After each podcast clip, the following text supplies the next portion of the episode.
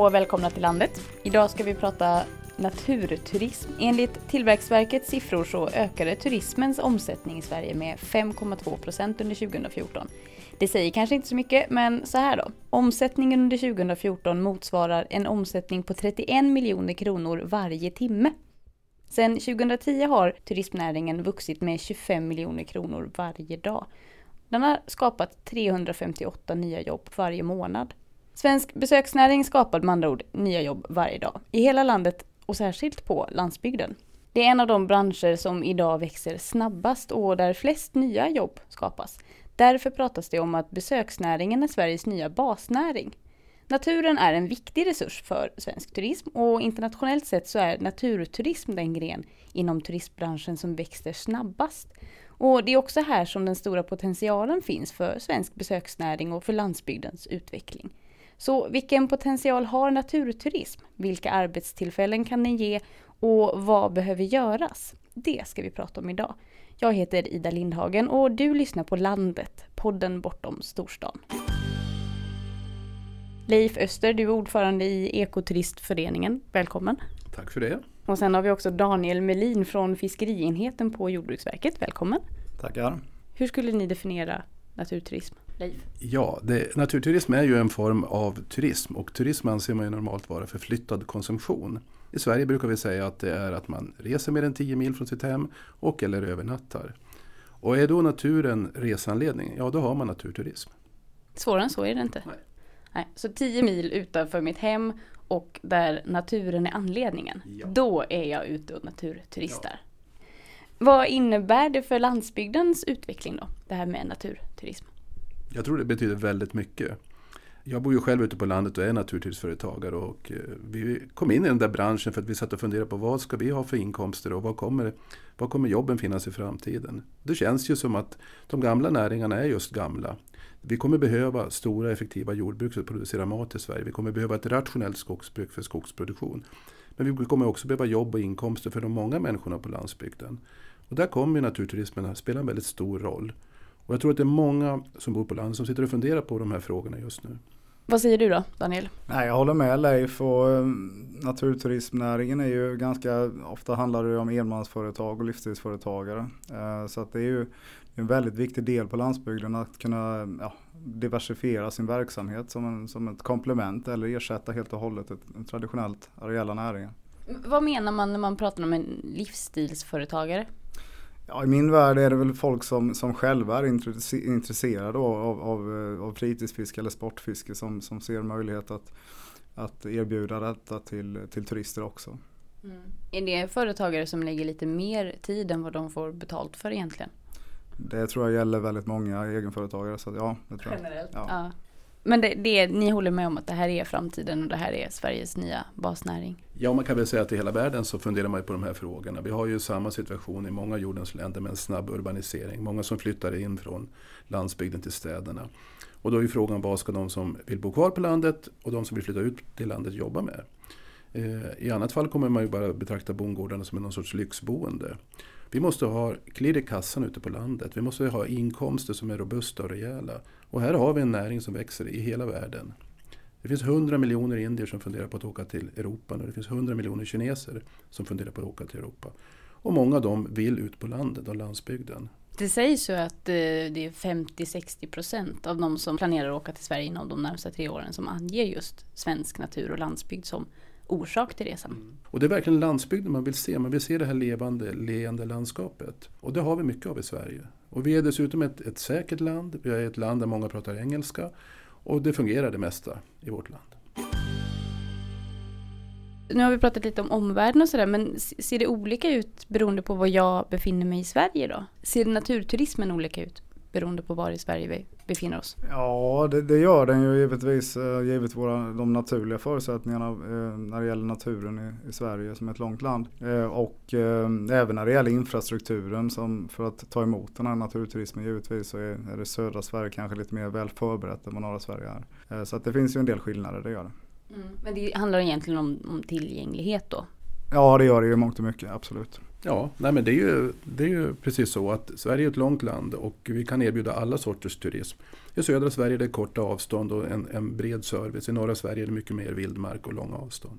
Och så är det varmt i ena änden och kallt i andra. Om man ska hårdra det. Men eh, vilka är naturturismens styrkor i det här landet?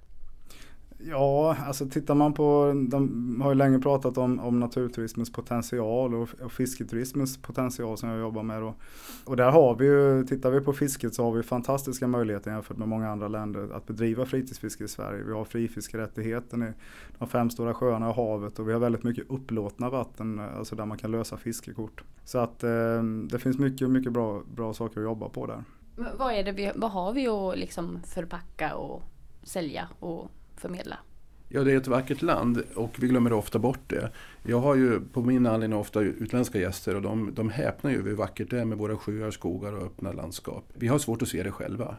Men eh, en oerhörd styrka det är ju att alla ute på landsbygden är ju entreprenörer på något sätt. Och det är inte särskilt svårt för många att ställa om sin verksamhet lite grann mer mot turism från det man håller på med idag. Och jag tror att många funderar på det. Mm. Vad ska barnen jobba med och vad ska ens barnbarn jobba med? Men hur, hur, menar du då? Eh, har du något exempel på vad, vad, kan det vara som jag håller på med nu men som är lätt att ställa om till turisminriktning? Ja, så tittar vi på dem. Vi har ungefär 320 000 eh, jordbruksföretag i Sverige med skogsföretagen.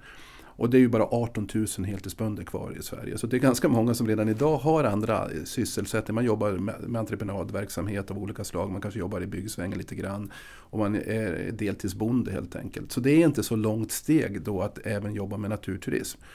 Och som vi hörde här tidigare, är man till exempel intresserad av fiske så är det ju naturligt att jobba lite mer med fiske. Och kanske våga ta betalt för de här fiskevattnen man har för att kunna höja kvaliteten på fisket i sjön hemma. Kunna ha lite bättre tillsyn, kanske bättre båt och våga ta betalt som man gör i andra länder. Utländska turister tycker vårt fiske är ju alldeles för billigt.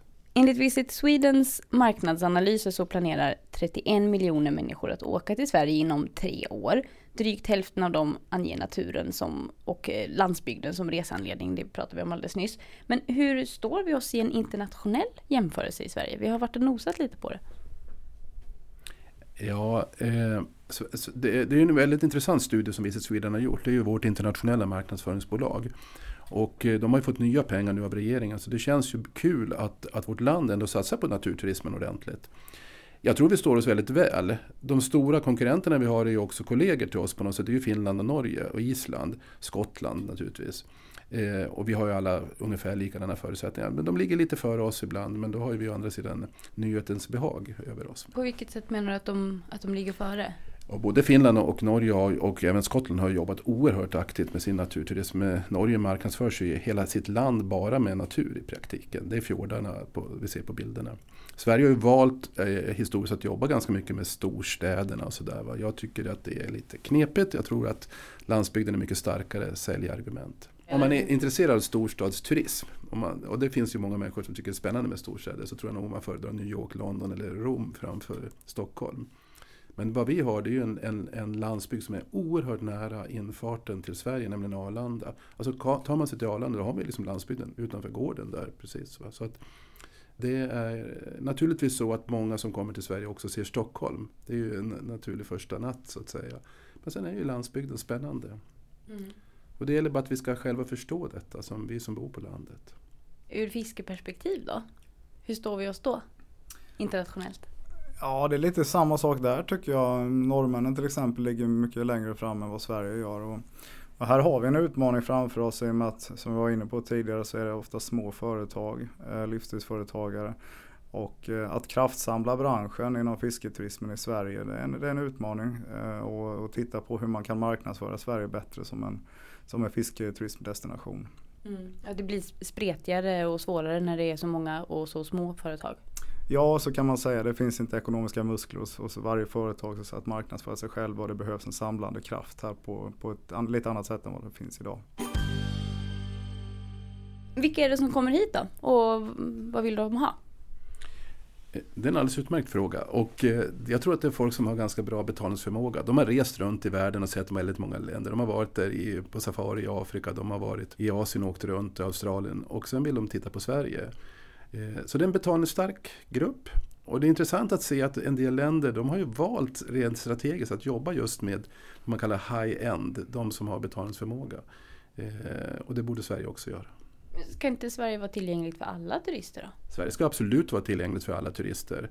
Men det som, det som händer ute i världen är ju väldigt spännande. Det är ju liksom att man pratar mycket mer om soft adventure. Det är det nya modeordet när det gäller naturturism. Alltså folk vill ha lite lyxigare, lite bättre, men också äventyr. Till exempel att om man fjällvandrar så sover man gärna på en fjällstation och inte i tält. Precis, och kunna dricka ett årgångsvin till middagen där. Just det, det är det som är soft adventure. Ja. ja.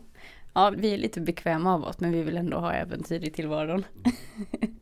Håller du med om i eh, Leif i beskrivning av vilka som kommer hit och vad de vill ha? Ja, det, det gör jag. Det är, ju, det är ju olika målgrupper givetvis. En del vill verkligen ha det här eh, vildmarkslivet och andra vill ha det mer bekvämt. Så är det ju.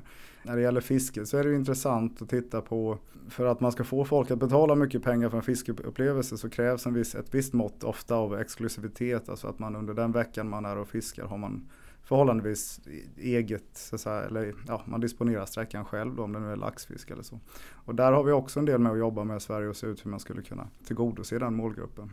Att man gärna vill ha liksom en bit av stranden för sig själv hela veckan. Man kan inte hålla på och hyra ut den till flera samtidigt eller? Nej, lite så är det i alla fall om man vill ha väldigt köpstark eh, fisketurism så, så handlar det om det mycket. Och det, det tror jag kan gälla en annan naturturism också. Mm.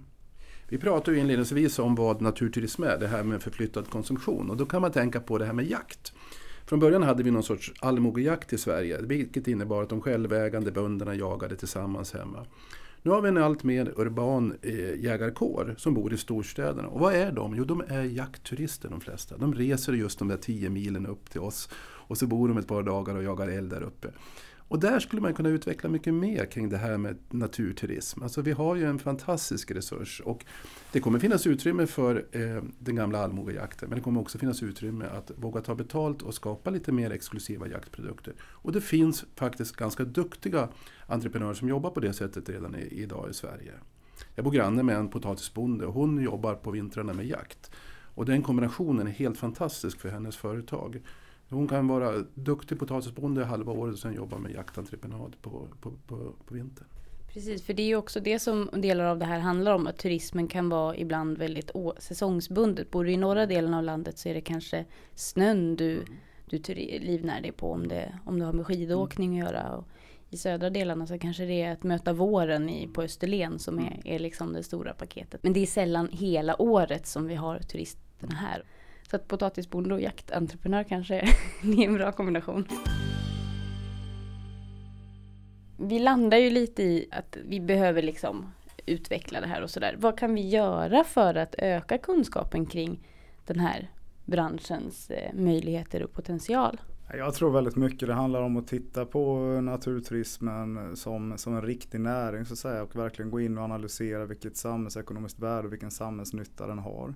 Inte minst för att kunna ställa, ställa det i relation till andra typer av resursutnyttjande om det så är vattenkraft eller eh, skogsbruk eller eh, andra typer av fisken än, än, än, fritidsfisk fritidsfiske och fisketurism. Så är det viktigt att ha den här kunskapen med sig. Och där behöver vi, det behöver vi titta på närmare. Är det så att, att den här turismnäringen att den inte är riktigt känd egentligen allmänt hur, hur mycket pengar den ger Sverige? Ja, det är ju fantastiskt att se att, att eh, den inkommande turismen, det vill säga de utländska turisterna som kommer till Sverige, de, de lämnar faktiskt efter sig lika mycket pengar idag som hela den samlade skogsexporten. Alltså ungefär 100 miljarder kronor. Plus att de betalar moms till statskassan, vilket inte skogsexporten gör. Så det är ju stort och det är många, många människor som jobbar. Och det som är kul med den här näringen, det är att det ger ju jobb till ofta, ofta den andra näringen, till kvinnor, unga och utrikesfödda. Så det är en väldigt bra näring ur så att säga, sysselsättningssynpunkt. Vad vi borde göra det är två saker. Det ena är att samhället borde lägga mycket, mycket mer resurser på att forska, utveckla och jobba med så att säga, kreativa eh, utvecklingsmiljöer. Både jordbruket och skogsbruket i Sverige är väldigt produktionsriktat när det gäller forskning. Men man tittar inte på nya marknader, nya produkter, nya användningsområden av den här fantastiska marken vi har. Det är det staten kan göra. Det som alla, alla ute på landsbygden kan göra, det är att vara turister själva. Det är det bästa råd jag kan ge dem. Att åka ut och titta på hur andra jobbar med naturturism. Tittar man i Amerika på de fem, sex häftigaste, mest framgångsrika naturturismföretagen så är alla fem, sex är gamla jordbruk. Det har varit duktiga jordbrukare som har sett att det är svårt att få lönsamhet i den gamla näringen. Men våga ta steget ut och bli naturturistföretagare. Så det finns inget bättre sätt att lära sig att bli turistföretagare än att vara turist själv. Våga göra det. Ta ledigt ett par dagar från det här jordbruket och åk runt och titta på vad de bästa gör.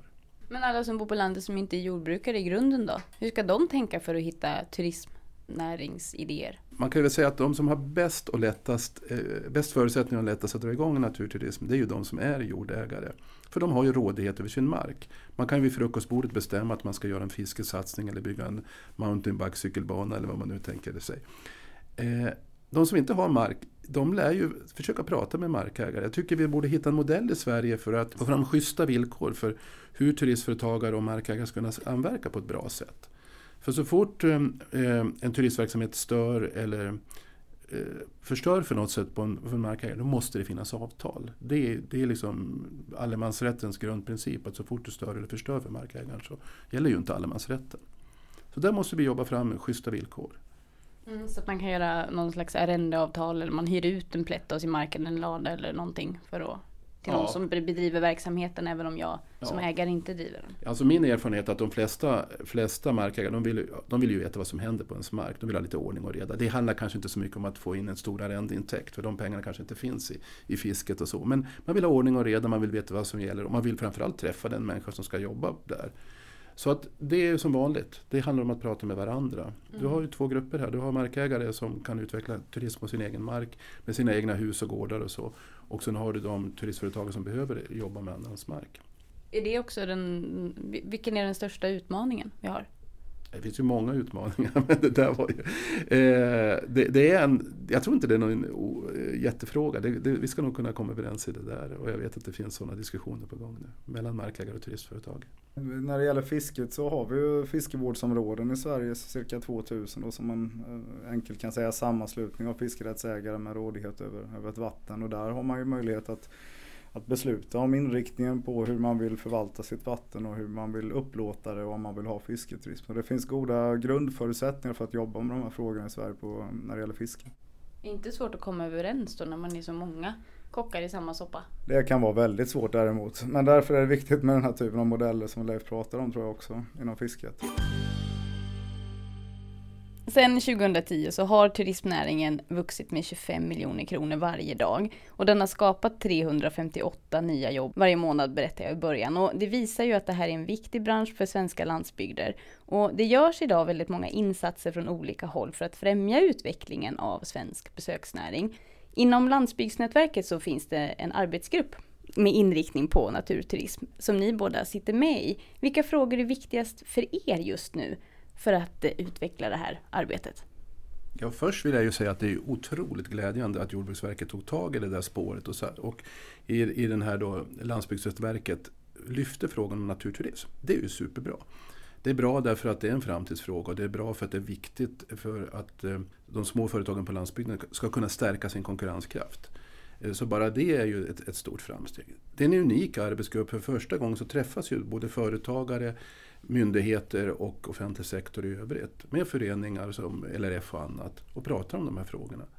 Och det har kommit ut en hel del spännande saker. Arbetsuppgifter som kanske vi inte löser i vår arbetsgrupp men som vi ändå har lyft. Och en sådan är att det nu är på gång en delstrategi för naturturism i Sverige som en understrategi till den stora nationella turiststrategin. Och det är ett resultat av det arbete vi har gjort i arbetsgruppen. Eh, vi får ju också vara med i arbetet med att marknadsföra Sverige när det gäller naturturism eh, på olika sätt. Ja, för naturturismen är ju ändå den gren inom turismen som växer allra snabbast. Ja, men problemet är ju där att det är ju inte alltid eh, pengarna hamnar på landsbygden utan det blir väldigt mycket biluthyrningsföretag, bensinstation, livsmedelsbutik, hotellen som får de här pengarna. Och vi ska försöka hitta modeller så att vi stärker konkurrenskraften för småföretagen ute på landsbygden. Hur ska de på bästa sätt kunna utveckla sina gårdar och resurser så att det skapar jobb och sysselsättning på landsbygden? Då får jag säga tack så hemskt mycket till Leif Öster och till Daniel Melin för att ni var med i podcasten Landet. Ja, tack så mycket. Tack så mycket. Du har just lyssnat på Landet, podden bortom storstan. Jag heter Ida Lindhagen och producerar podden för Landsbygdsnätverket. Vill du veta mer om vad vi gör? Gå in på landsbygdsnätverket.se eller följ oss på Instagram.